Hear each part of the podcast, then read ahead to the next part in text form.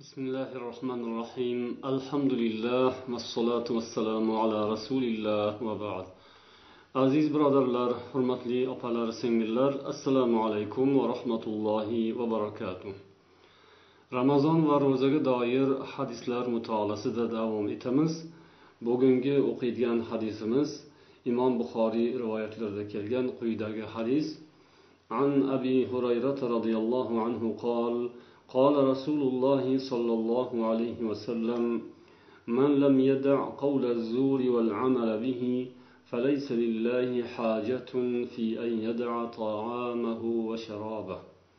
أبو هريرة رضي الله عنه دن رواية رسول الله صلى الله عليه وسلم aytdilar kimki botil so'zni gapirish va unga amal qilishni qo'ymasa bas allohga uning taomini va ichimligini tark etganining keragi yo'q. Buxoriy rivoyatlari bu hadis ham inson tarbiyasi uchun uning axloqini isloh qilish uchun nihoyatda muhim ahamiyatga ega. Shu bilan bir qatorda bu hadisda ibodatlardan ko'zlangan hikmatlar ham zohir bo'ladi. Xosatan ro'za ibodati insonga qanday foydalar keltirishini mana shu hadis vositasida biz ko'z o'ngimizga keltirishimiz mumkin. Endi hadis iboralari ustida kalimalari ustida to'xtab o'tamiz. Hadis man lam yada qavla zuri degan ibora bilan boshlandi. Zur kalimasi bir qancha ma'nolarda keltirilgan. Jumladan lisonul arab kitobida va zuru al kadibu val batilu deyilgan. Ya'ni zur yolg'on so'z va botil so'zlar va ishlardir.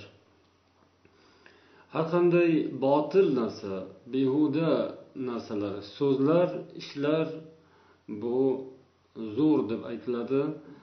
Jumlaning shularni mana shularning jumlasidan demak yolg'on so'z ham yoki g'iybat ham shunga kiradi. Yana imom buxoriyning rivoyatlarida al adabul mufrat kitobida kelgan val jahla degan qo'shimchasi bilan ya'ni jaholatni tark qilmasa nodonligini tark qilmasa uning ro'zasidan foyda yo'q degan ma'no. Ibn moja ham mana shu hadisni rivoyat qilganlar va u kishi al jahla val jahla val amala bihi degan qo'shimchasi bilan keltirganlar. Ya'ni jaholat va nodonlik bilan amal qilishni ishlashni hayotini shunaqa johillik bilan o'tkazishni to'xtatmasa degan ma'no keladi. Tabaroniy ham al avsat kitoblarida man lam yada al xana val kadib degan ibora bilan rivoyat qilganlar. Ya'ni al xana xana bu qabihul kalam al fuhsh fahsh so'zlar uyat so'zlar va xunuk yomon so'zlar. Kimki mana shunday yomon so'zlarni va yolg'onni tark etmasa uning ro'zasining keragi yo'q والمراد بقول الزور الكذب والجهل والسفه والعمل به ya'ni demak xulosada mana shu zo'rdan murod yolg'on johil nodonlik ahmoqlik bema'ni behuda so'zlarni gapirish va mana shunga muvofiq hayot kechirish ya'ni insonning so'zi ham keyin uning albatta hayotiga ta'sir qiladi. Insonni gapirayotgan gapiga qarab uni turish turmushini taxmin qilish ko'z oldiga keltirish mumkin. Ya'ni insonning og'zidan chiqayotgan so'zlari pala partish bo'lsa bilingki uning dunyosi ham turmushi ham pala partish uning hayoti ham tartibsiz o'tayotgan bo'ladi. Ro'za esa bu narsaga qarshi turadigan amal. Umuman islom dinimizga bu yuqorida aytilgan salbiy sifatlar yot begona xosatan ro'za uchun bu nihoyatda zid keladigan amallar. Islom dinimizda yolg'on gapirish botil behuda so'zlarni aytish yoki shunday botil ishlarga guvoh bo'lish shular bilan aralash quralash bo'lish qoralanadi. Alloh taolo bunday sifatdan qutulishimizni istaydi va shuning uchun ham bizga ro'zadek ibodatni farz qilgan. Laallakum tattaqun shoyatki taqvodor bo'lsalaringiz degan oyatda ham mana shu ro'za sharofati bilan shu ro'za tutish vositasi bilan taqvoyingiz ziyoda bo'lib allohga yaqin bo'lsangiz mana shunday nuqsonlardan ya'ni shu hadisda aytilganidek nuqsonlardan poklansangiz degan hikmat bilan alloh taolo bizga bu ibodatlarni jumladan ro'zani buyurgan. Bu hadisda demak yolg'on so'z botil so'zni gapirishdan qaytarilyapti. Ro'zador odam bunday so'zlardan uzoq bo'lishi kerak. Aks holda uning hayoti ham e, salbiy tomonga qarab ketadi. Chunki yolg'on aralashgan hayot ish so'z oxirida xarobaga uchraydi halokatga uchraydi. Yolg'on tarqalgan jamiyat ham barbod bo'ladi xarob bo'ladi. Achchiq bo'lsa ham rost yaxshi. To'g'risi yaxshi. Yolg'onni esa shirni ham yomon yolg'onni har qanday turidan voz kechish kerak ko'rinishidan chiroyli bo'lgani bilan vaqtincha foyda yetkazgani bilan oqibati xunuk bo'ladi. Ko'pincha odamlar muvaqqat foydani deb vaqtinchalik vaqtinchalik yoki najotni deb yolg'on gapiradilar. Yolg'on ularni qutqarayotganday tuyuladi. Yolg'on ularga foyda keltirayotganday tuyuladi. Lekin olloh biluvchi payg'ambarimiz biluvchi u zotlar bizga taqdim etgan islom shariati mukammal shariat. Islomda yolg'on harom islomda aldamchilik firibgarlik muttahamlik gap so'zni burish aylantirish bu narsalarning foydasi yo'q deb oldindan aytib qo'yilgan. Ro'za siz bilan bizni mana shu narsaga yana ham yaxshiroq amal qilishimizga o'rgatadi. Endi mana shunday ishlarni qilgan odamning ro'zasidan foyda yo'q. Uni ovqat yemay suv ichmasdan o'zini tiyib qiynab yurganining keragi yo'q ollohga deyilyapti bundan qanday ma'no kelib chiqadi? Demak bunday odamning ro'zasi umuman botilmi? Ro'zasi buziladimi? Ro'zasi qabul bo'lmaydimi? Ro'za tutmaganday bo'ladimi? degan savol tug'iladi. Ulamolar bu masalada fikr bildirib aytadilarki umumiy olganda demak ro'zaning asosiy sharti ma'lum ya'ni kun davomida tongdan to shomga qadar yemoqdan ichmoqdan va jimodan tiyilish. Asosiy sharti shu. Mana shu uchta shartga rioya qilgan odam ro'za tutgan hisob bo'ladi. Ammo ro'zaning odoblari hisobini qilish kerak. Mana shunday so'zlar yolg'on yoki botil so'zlar g'iybat bular ro'zaning odoblariga xilof keladigan ishlar. Bu ishlar bilan inson ro'zasi ochilib ketmasa ham lekin u ro'zaning ziynati ketadi u ro'zaning go'zalligi tarovati yo'q bo'ladi u ro'zaning odobi yo'q bo'ladi va ro'zaning savobi oxirida yo'q bo'lishi mumkin. Faqat ro'za tutganlik qarzidan qutuladi ya'ni uchta shartni buzmagani uchun ro'zasi qolgan bo'ladi ammo u ro'zasining atrofidagi qo'shimcha mukammil mukammilotlari ro'zani komil chiroyli qilib turadigan jihatlari to'kilib sirlari to'kilib go'yoki daraxt barglari to'kilib mevalari to'kilib gullari uzilib tushganday. U daraxt yo'q demaysiz endi daraxt bor lekin daraxtning tanasi qoldi quruq novdasi qoldi. Shu daraxtdan ko'zlangan maqsad faqat bu emasdi. Daraxtdan ko'zlangan maqsad chiroyli manzara uning yam yashil barglari mevalari yoki boshqa yana avvalambor uning agar gullagan paytda um, gullari chiroyli bir manzarasi hamma tomonlama insonga huzur baxsh etadi uning hayotiga inson hayoti uchun nihoyatda zarur narsa. Ammo ana shu daraxtni parvarishlash kerak saqlash kerak avaylash kerak o'z vaqtida suvini quyish kerak o'z vaqtida uning atrofini qarash kerak tozalash kerak. Shunda uning barglari hali aytilganday shunday o'zining tarovati bilan o'zining shu latofati bilan go'zalligi bilan saqlanib turadi va u daraxt deganda bir yam yashil olloh yaratgan ajoyib bir san'at inson ko'z oldida namoyon bo'ladi va undan inson hayotiga foyda bo'ladi. Insonning qilayotgan amallari ham xuddi shunday solih amallarning shartlari bor va uning odoblari bor. Shartlari eng asosiysi ildizi tanasi ko'tarib turadigan gavdasi bo'lsa uning odoblari esa yuqorida zikr qilganimizdek uning atrofidagi narsalar ana o'shalar bilan u komil bo'ladi mukammal bo'ladi va olloh huzurida ham maqbul bo'ladi.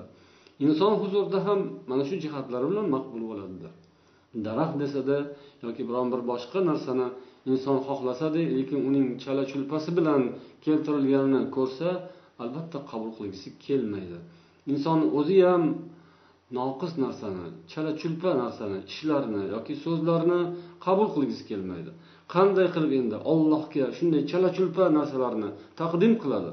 O'zi olishni istamaydigan o'ziga qabul qilishni istamaydigan narsani ulug' zotga ollohga taqdim qiladimi? Bu to'g'ri kelmaydi.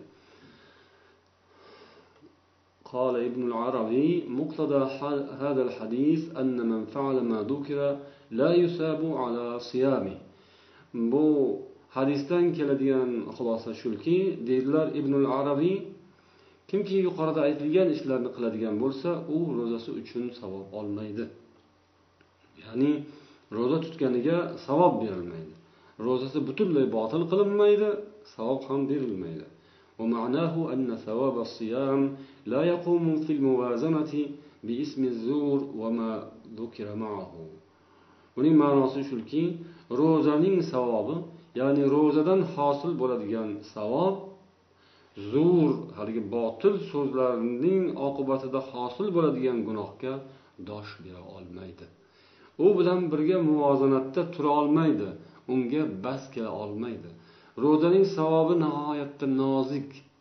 Nozik narsa qo'pol narsani oldida dosh bera olmaydi. Gunohlar o'sha yomon so'z botil so'z yoki yolg'on so'zning gunohlari undan hosil bo'ladigan gunoh nihoyatda bir dahshatli qo'pol narsa. Uni yonida nozik shunday bir ajoyib shunday bir chiroyli narsa qimmatbaho narsani qo'yib qo'yib bo'lmaydi. Bu aqldan emas. Shunday tegib ketsa u ketib qolishi mumkin.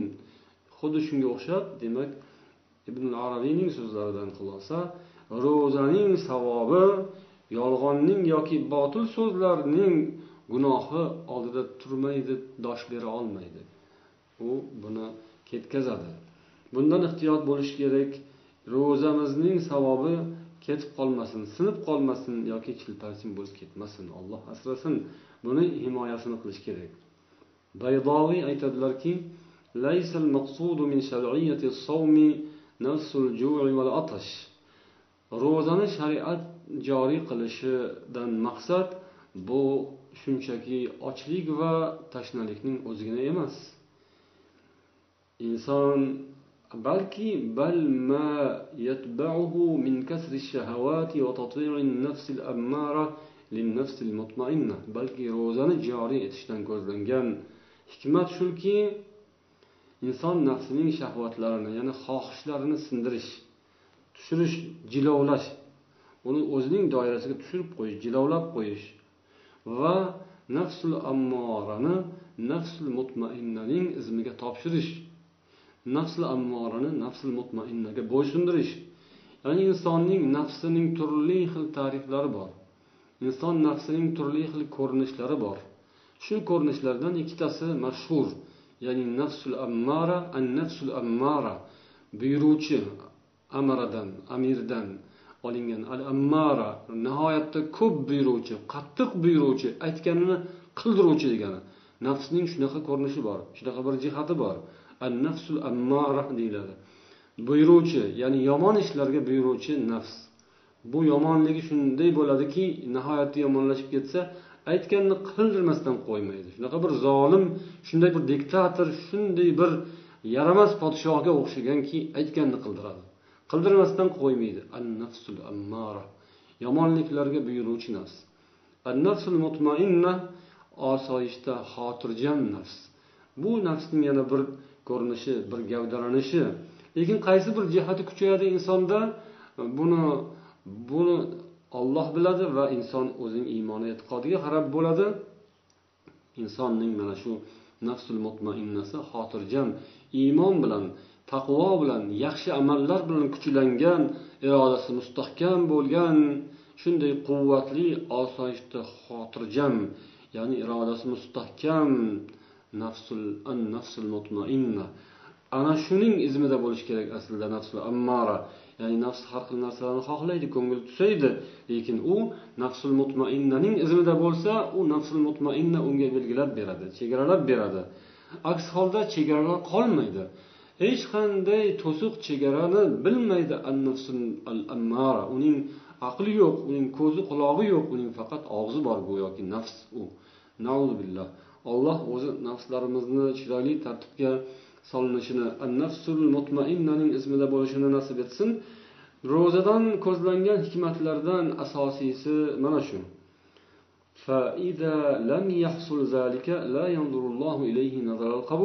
Agar mana shu aytilgan narsalar hosil bo'lmasa nafsul mutmainnaning izmida bo'lmasa an nafsul ammara unda alloh taoloning ro'zasiga qabul nazari bilan qaramaydi deydilar. Demak allohning dargohida qabul bo'lishi uchun chiroyli va odoblari bilan bahayo shunday osoyishta chiroyli holatda olloh huzurida qabul bo'lishi uchun biz uni ana o'sha nuqsonlardan saqlashimiz lozim ekan. Inson behayo so'zlarni tilga olishi baqir chaqir qilishi botil so'zlarni gapirishi mana shu so'zlar bilan amal qilishi bu rasululloh boshqa o'rinlarda ham juda ko'p ko'p qaytarganlar ro'za paytida esa bu nihoyatda ta'kidlanadi. Yana ulamolardan astubuki aytadilarki ibodatlar ma'lum ishlarni talab qilsada lekin undan yana uning keynidan shu bilan bir qatorda boshqa ishlarga ham ishora qiladi. Ibodatlarni o'zini ma'lum bir shartlari bor. Masalan namozning shartlari tahorat qilish qibla tomonga qarab yuzlanib namozni o'qish qoidalarni bajarish ro'zada ham o'sha uchta narsaga rioya qilish ertalab fajrni vaqtini bilish kun botishni vaqtini bilish shuni orasida yuqoridagi uchta shartga rioya qilish. Mana shunday o'zining asli shartlari bor o'zining shunday qoidalari bor lekin shular bilan shular bilan bir qatorda hamma ibodatlarning ham boshqa jihatlarga ishora bo'ladigan bog'lanadigan jihatlari bo'ladi. Ro'zada ham yuqorida aytilganlar ana shunday. Shu odoblarni shu odoblar ro'zaning odoblarining ko'pi inson tiliga bog'liq so'zga bog'liq bo'ladi. Inson agar tilni tiysa so'zlarni tartibga solsa o'zini tartibga solsa uning natijasi yaxshi bo'ladi. Bu bu haqiqatdan kuch talab qiladi. Lekin qanday kuch? Bu moddiy kuch emas bu jismoniy kuch emas balki ma'naviy quvvat talab qiladi. Agar insonning ma'naviy quvvati yetarli bo'lsa u tiliga kuchi yetadi. Insonning ma'naviy quvvati zaif bo'lsa u har qancha jismoniy kuchli bo'lmasin u tiliga so'zni o'tkaza olmaydi. Nafsini yo'lga sola olmaydi. Nafs xohlagan narsani gapirtiradi tilga ham. Xohlagan yo'lga yurg'izdiradi. Bu insonning ma'naviy zaifligidan kuchsizligidan kelib chiqadi. Ro'za insonni jismoniy jihatdan zaiflashtiradi lekin ma'naviy jihatdan shu bilan bir qatorda ma'naviy jihatdan kuchlantiradi kuchaytiradi. Insonning ma'naviyati qalbi tarbiya topadi. Tilni tiyish bu moddiy jismoniy quvvatni oz ko'pga qaramaydi. Inson kuchli bo'lishi yoki kuchsiz bo'lishiga qaramaydi. Tilni tiyish chiroyli so'zlarni gapirish bu insonning ma'naviy quvvatiga qaraydi. Ro'za jismoniy quvvatni kamaytirib demak ma'naviy quvvatni oshirar ekan shu bilan birga insonning xulqini isloh qiladi qalbini poklaydi. Mana shu jismoniy quvvat kamayishi insonning xalqiy ya'ni yaratilish jihatdan pardasini zaiflashtiradi yupqalashtiradi va bu xulqiy qiyofani keyin ochadi. Ya'ni inson ham xalq ham xulqdan iborat. Xalq jismoniy yaratilish xulq esa uning ichki dunyosining tasviri ko'rinishi. Insonning mana shu jismoniy zaiflashishi ro'zaning tarbiyasi natijasida uning xulqi namoyon bo'ladi. Ya'ni uning ichki dunyosi ko'rina boshlaydi yaqqol ko'rinadi. Mana shu ro'za paytida insonning ichki dunyosi ko'zga tashlanadi ya'ni insonning xulqi namoyon bo'ladi. Mana shu xulqni tarbiyasi uchun olloh bizga ro'za ibodatini joriy qildi va xulqimiz tilimizda namoyon bo'ladi ko'pincha so'zlarimizda namoyon bo'ladi.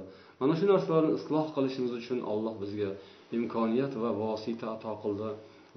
Ro'zadek ulug' ne'matni nasib etdi.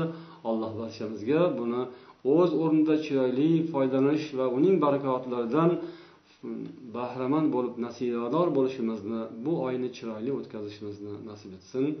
Vassalomu alaykum va rahmatullohi va barakatuh